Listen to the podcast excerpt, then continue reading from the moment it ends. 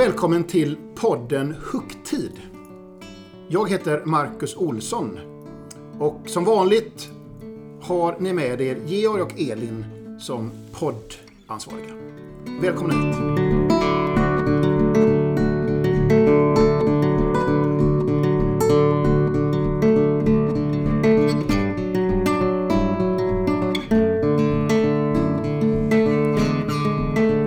På söndag, nu på söndag, eller idag söndag, eller söndagen som var, beror på när du hör det här, så är det palmsöndagen som är temat. Söndagen då vi läser texterna om då Jesus red in i Jerusalem. Glädjen som eh, fanns, förväntan som fanns och vad som hände. Och jag tänkte att vi börjar direkt med att läsa texten.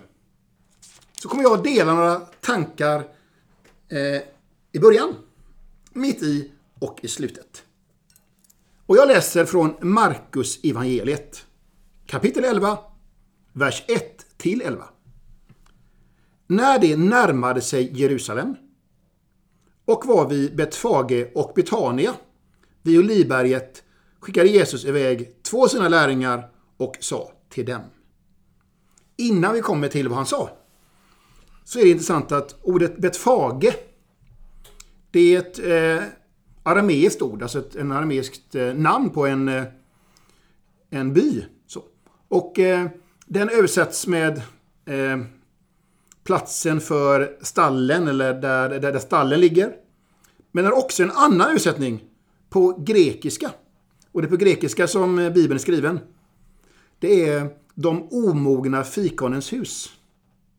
Så alltså de kom till eh, en plats där det fanns stall. Och den här platsen då för liksom stall. Och här får man kanske också en sån liksom, eh, throwback Thursday. Stall har nämnts en gång tidigare i Bibeln. Som vi vet.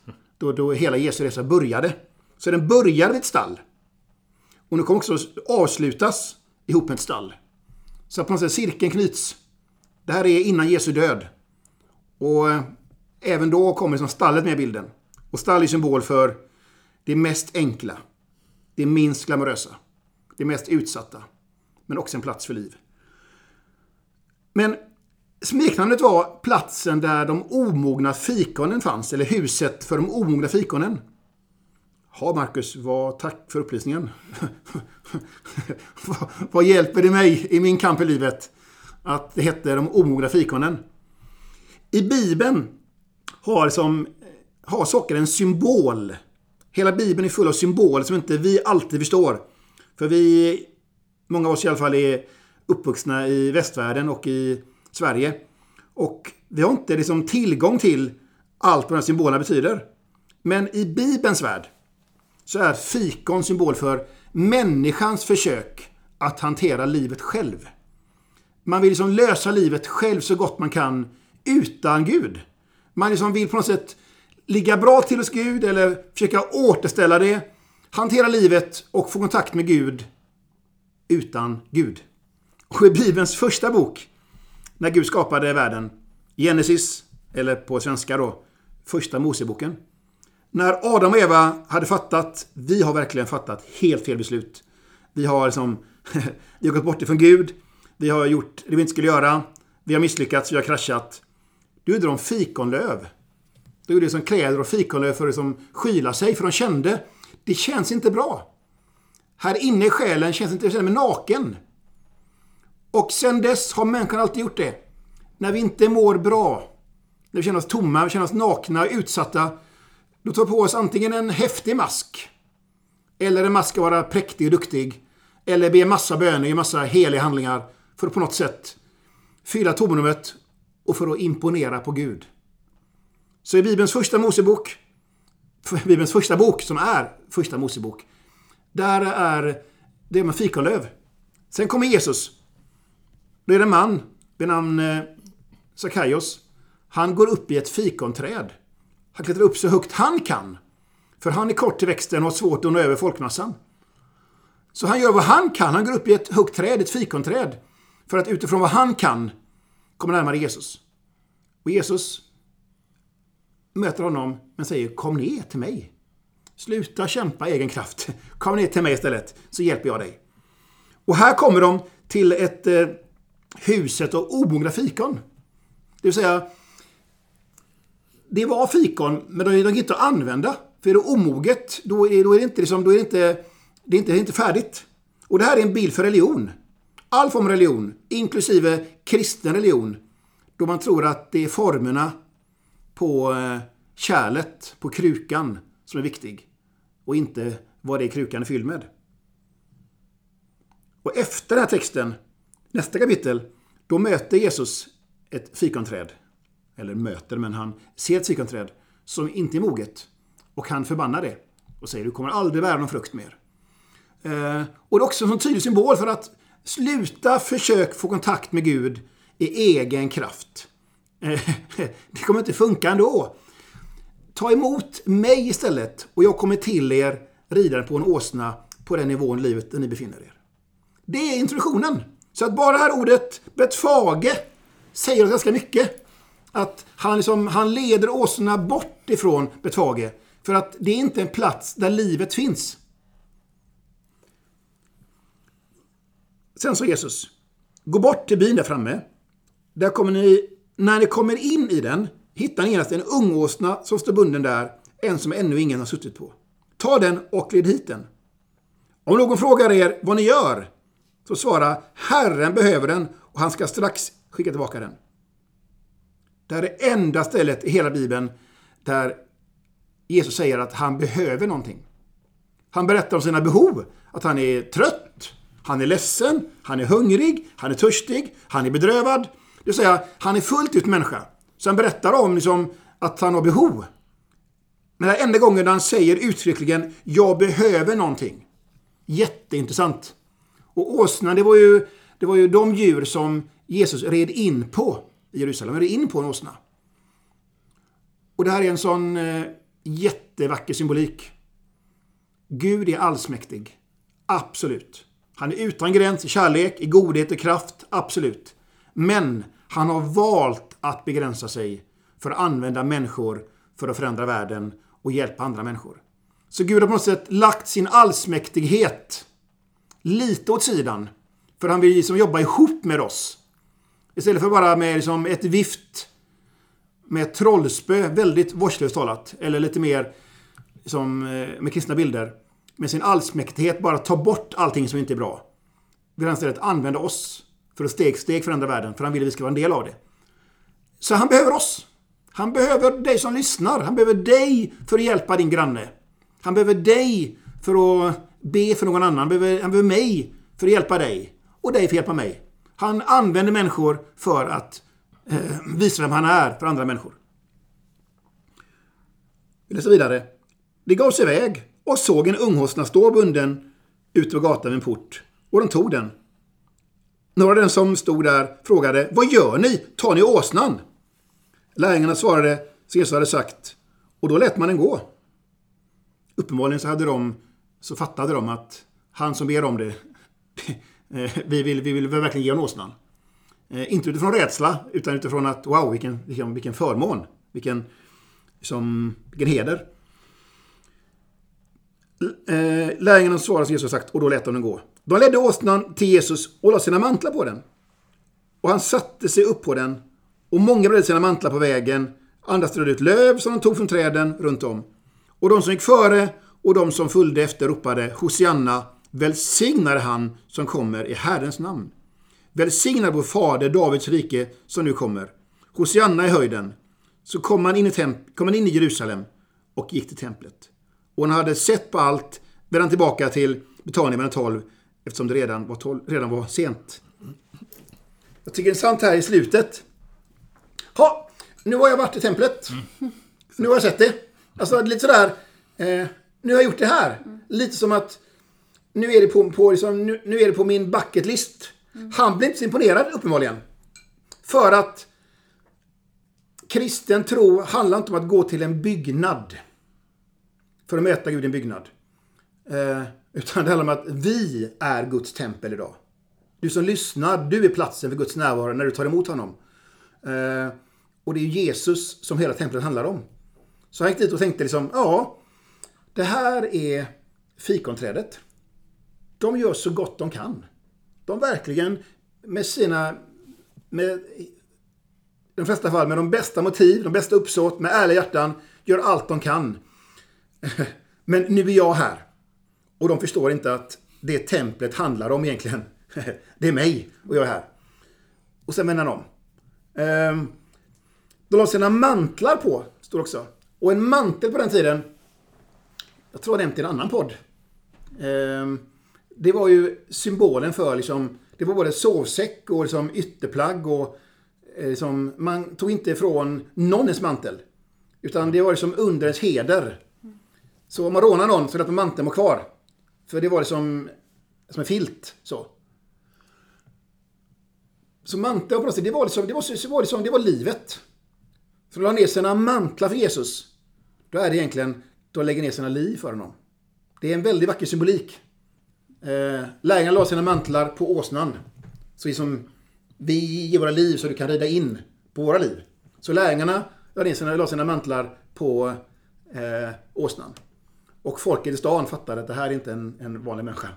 Det här är inte en vanlig kung. Eh, så de la, la sina liv så han kunde rida in i Jerusalem. Men förhoppningarna var, och det är ganska tydligt när man läser vad som hände senare. För samma folk som ropade Hosianna, Hosianna ropade sen korsfäst, korsfäst. Mm. Så att det är lite, det är lite ensamt ibland. mm. För att eh, populismen kan vända. Så, För att då hade de sina förväntningar. Nu kommer han befria oss från det romerska förtrycket. Eh, och utan att dra för långa jämförelser så finns det kopplingar till corona då. Tydliga kopplingar. Du fick inte röra dig fritt i landet. Du fick inte samlas i grupp, stora grupper. Då blev man skingrad av den romerska militären. Du fick inte röra dig från ena, ena sidan av stan till andra sidan av stan. Det gäller inte Sverige, men det gäller många andra länder. Du var det som fångade ditt område, fick inte träffas så mycket beroende på kontroll. Och folk levde i sån fruktan och sån rädsla eh, för eh, om vi blir för många, om vi bryter lagen, då kommer vi bli arresterade av den romerska förtryckarmakten. Så man, man, levde som, man levde som förtryckt. Vår fiende nu, i dagens samhälle, är ju, är eh, ju eh, mikroskopisk. Mm. och eh, är väldigt osynlig om man inte ser den mikroskop. Så, va? Eh, men principen är densamma. Eh, rädda oss. Ordet Hosianna har två betydelser. Det är liksom förbarma dig, rädda oss. Och kom med din seger. Ta bort det här nu. Så deras förväntningar var ju en politisk ledare. Som skulle ta bort förtryckarmakten. Och låta judarna få tillbaka sitt, sitt, eh, sin huvudstad och sitt land i frihet. Och när det inte hände, när Jesus var lika mycket eh, sänd som, som kärleksgåva från Gud för att öppna upp dörren till himlen för såväl ockupationsmakten som ockuperade som förväl de som förtryckte de förtryckta. Det var svårt att ta in. För det blev inte så de hade tänkt. Mm. Och vi har ofta vår egen Jesus, vår egen agenda. Han är på min sida emot honom eller henne i den här konflikten. Och i politiken använder man Jesus som ett bollträ emot olika partier. så, mm. Man citerar till med bibelord hit och dit, fram och tillbaka. Men du får aldrig Jesus på din sida emot en annan människa. Däremot är han, är han alltid emot orättvisor. Han är alltid emot osanning. För han är för kärlek och han är för sanning. Så, um, så att det är intressant. Ehm, så mantlarna har en, en, en stor, stor symbol. Men jag vill ändå faktiskt läsa texten också. Som är eh, dagens episteltext. Och den hittar vi i Hebreerbrevet 2. 14-18. Och där står det så här. Då nu barnen, och barnen det är vi, är av kött och blod, det vill säga har en kropp som är liksom sårbar. Måste Jesus på samma sätt bli människa för att han genom sin död ska göra dödens herre, djävulen, maktlös och befria alla dem som genom sin fruktan för döden var slavar hela sitt liv. Om vi tar från början här. Sedan Jesus måste bli människa. Jesus har alltid funnits. Om du som hör den här podden inte hört det innan så hör du det nu. samma ord som skapar universum, när mysteriet Gud, som vi säger på svenska lite så här vårdslöst, treenigheten. Det vill säga mysteriet Gud, skaparen, vi kallar Fadern, anden, Guds närvaro på jorden och Jesus, ordet. Alltså det är ordet som, som, ord, ordet som skapar universum, som talas, talas ut. Det är Jesus. Så att det här som då skapar ordet, Gud själv, fick kropp i Jesus. Så att eh, Jesus som blev inte liksom till när han föddes, men han fick en kropp som vi när han föddes. Det är jätteviktigt. Det här är grunden i hela kristna tron. Och stod det då att göra dödens herre, djävulen, maktlös och befria alla dem genom sin fruktan för döden varit slavar hela sitt liv. Det är inte änglarna tar sig an. Nej, Abrahams ättlingar, det vill säga det är de människor som längtar efter och som söker tron. Och därför måste han allt bli lik sina bröder och systrar. För att bli en barmhärtig och trogen överstepräst. Visst är det en massa svåra ord va? Mm. Inför Gud och kunna sona folkets synder. Eftersom de själv prövats och lidits kan han hjälpa dem som prövats. Här är så mycket liksom, sanningar på en kort textmassa. Hur många är det inte idag som lever i fruktan och rädsla? Man vågar inte gå ut. Tänk om någon nyser på mig som verkligen är sjuk. Eller tänk om jag nyser på någon så han blir sjuk. Eh, en del människor kan vara krampart isolerade. Man är så rädd för vaccinet att man inte eh, vågar liksom tänka på sjukhus. Och andra är, är så rädda för, för eh, viruset att man inte vågar tänka på sjukhus. Man lever man i lamslagen och fruktan. Och då är det så viktigt att om ytterst sett är, är man rädd för döden. Och nu ska jag vara jätteärlig här. Jag är 0% rädd för att dö. 0%. Dör jag så dör jag. För att döden är inte för mig en punkt. Det är ett kommatecken. Och det kallas för himlen. Det är inte bara en plats hos Gud. Också ett tillstånd i Gud. Och jag lever redan i det.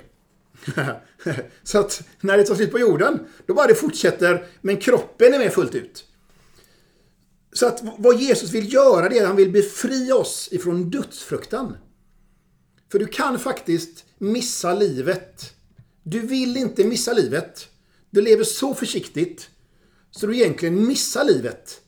För du är så rädd för att missa livet. Var du med där? Mm.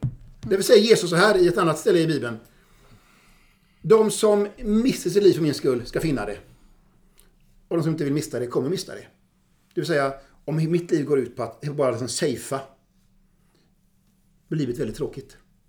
Men när man tillsammans med Gud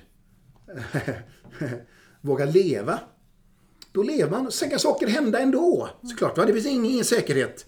Det slutar här med att han säger att han har själv prövats och lidit. Så kan han hjälpa den som prövats. Och när man rider in på en åsna, då kommer man alltid i ögonhöjd. Och det här är så vackert. Vi kristna ska vara som åsnor. Och tycker ordet kristen är svårt så eh, kan jag bara säga så här. Oh, Ordet kristen hittar du inte i Bibeln någonstans.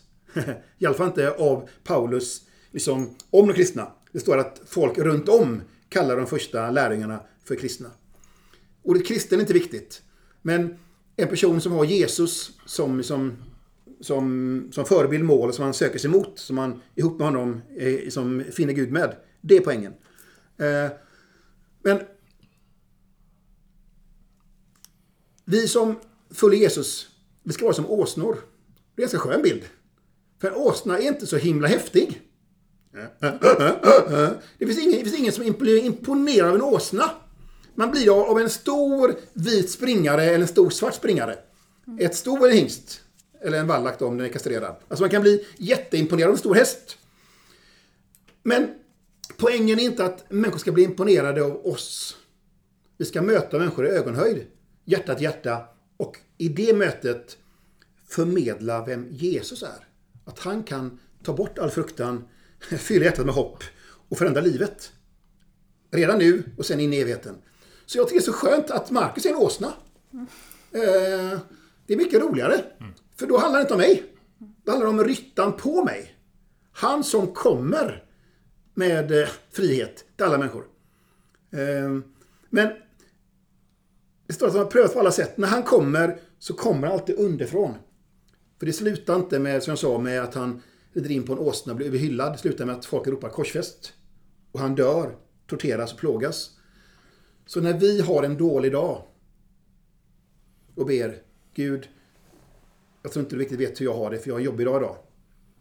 Då säger han med ett leende, du Marcus, jag tror jag vet hur det är att ha en dålig dag. Jag har varit där förut, kom, ta mig handen så går vi härifrån. Han möter oss i vår kaos, i vår smärta, i vår sorg. Och leder oss därifrån. Det, det är det som hela texten menar ut i, att han har varit som oss. Han har, han har plågats. Eh, och en överstepräst då, det var han som kom inför Gud. Med all smärta, all sorg, allt som var liksom jobbigt hos folket. Så Gud, ta hand om det här.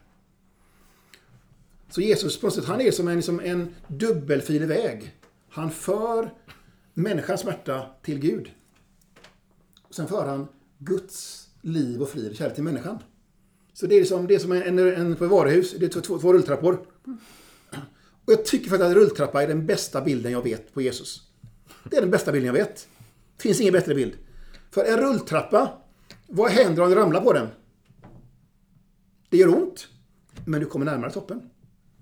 När jag misslyckas i min kristna tro, det vill säga i livet, kommer närmare Gud ändå. För det är inte min kraft. Det kallas för nåd. Det är Guds kärlek som för mig närmare toppen. Om jag tar en andra rulltrappa neråt. Vad händer om jag försöker springa på en rulltrappa som går uppåt? Ganska svårt. Eller hur? För om man ramlar då, det är jättesvårt, det är jobbigt. Det är jobbigt att springa ifrån Gud. Eh, så va? Så att man, som en rulltrappa som går uppåt, det är min bild på vem Jesus är. Han för oss uppåt. Och när vi ramlar gör det ont, för livet är, är sårbart. Den här jobbiga världen är trasig. Men vi kommer närmare toppen ändå. Sen kan någon människa välja aktivt att gå ifrån Gud. Det kan man göra. Men det är svårt. För kärleken rör, rör, rör oss uppåt. Så. Den här bilden innebär, innebär naturligtvis bara att det är en rulltrappa. Mm. För att i, i Guds hjärta finns det ingen rörelse liksom där, där, där, där människor är på väg neråt. Däremot en rulltrappa som går neråt. Det är en rulltrappa som är med Guds kärlek och kraft och besignelser. Så att eh, genom Jesus så översteprästen ger allt det jobbiga till Gud. Och sen ger Gud allt det goda tillbaka igen till oss. Så att kristen tro är en rulltrappa. Det jobbiga, givet till Gud. Och eh, det underbara, det ger han till oss. Så man kan säga så här att Jesus bar vår trasighet för att sin helhet. Han bar vår sorg för att sin glädje. Han bar vår ångest för att och sin frid. Och han bar vår död för att sitt eviga liv. Det är vackert. Mycket.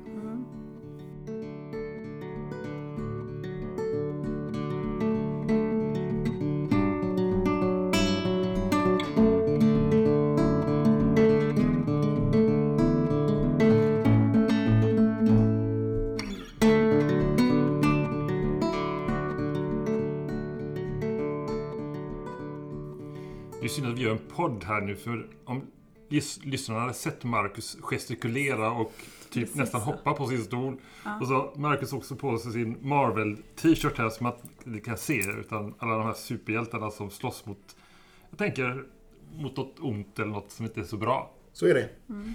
Och Marcus är liksom en del av de här Marvel-figurerna just nu. Lite så tänker jag. Ja, jag, eh, jag såg eh, eh Justice League. Eh, Snyders Cut nu när den kom ut i måndags. Eh, älskar superhjältar. Ja, eh, det, är en del, det är en del av min självbild. Inte att jag är en superhjälte som är himla utvald. Men jag har fattat att jag liksom alla andra är utvalda. Mm. Och kan förändra världen på riktigt. Mm. Ja, det var en parentes. Som kunde... en åsna. Som en åsna, ja exakt. Ja. Exakt, precis. The Fighting Super Monkey. Eller det är väl apa då va? Donkey heter det. Donkey. Precis. Ja, vad härligt. Oh, där skrev flera saker här. Nu pratar Marcus. Tack, tack så mycket. Jag gillar verkligen den där döden är inte en punkt utan ett kommatecken. Den, den har jag hört. Det var väldigt fint. Så, ska, så skulle jag också beskriva det. Ja. Jag, jag tänker typ så också. Jag är nollrädd för att gå bort. Men, men du, jag, jag, hjälp mig lite grann. Jag, jag fattar ändå inte riktigt vad Jesus gjorde där. Att hans uppdrag där var det där med möten ögonhöjd. Alltså om han nu visste om när han red in där att de kommer missuppfatta min roll lite grann. Och så åker han bara upp till templet och det är lite roligt när han skriver han, han bara går in och titta och snälla och gå exakt, därifrån. exakt. Men liksom vad, vad tänkte han, tror du? Liksom är den, hela den... I, i, alltså, i, en, I ett annat evangelie, Ja, en annan bibeltext, så står det att innan Jesus går in i Jerusalem så stannar han till på berget utanför Jerusalem och gråter. oh, och gråter. Så står det så här. Ack, du Jerusalem. Om du hade vetat att nu är platsen inne för din Gud och besöka dig. Du förstår inte det. nej, just det. Du kommer inte ta emot mig. Istället kommer det bli värre för dig. Hela stan kommer rivas och sten på sten kommer inte bli kvar. Alltså Jesus för- förutspådde att Jerusalem blev då raserat. Sen blev år 70 av romarna. I samband med ett uppror. För än en gång, som jag sa i början då. När vi människor inte, när vi vill ta tag i det själv. Blir det inte samma sak som när Gud leder det. Så. Eh, så att Jesus grät. Alltså, jag, så här, Jesus hade full kontakt med sina känslor. Full kontakt. Han var hel. Att vara helig innebär att det finns ingen liksom, uppdelning, man är hel.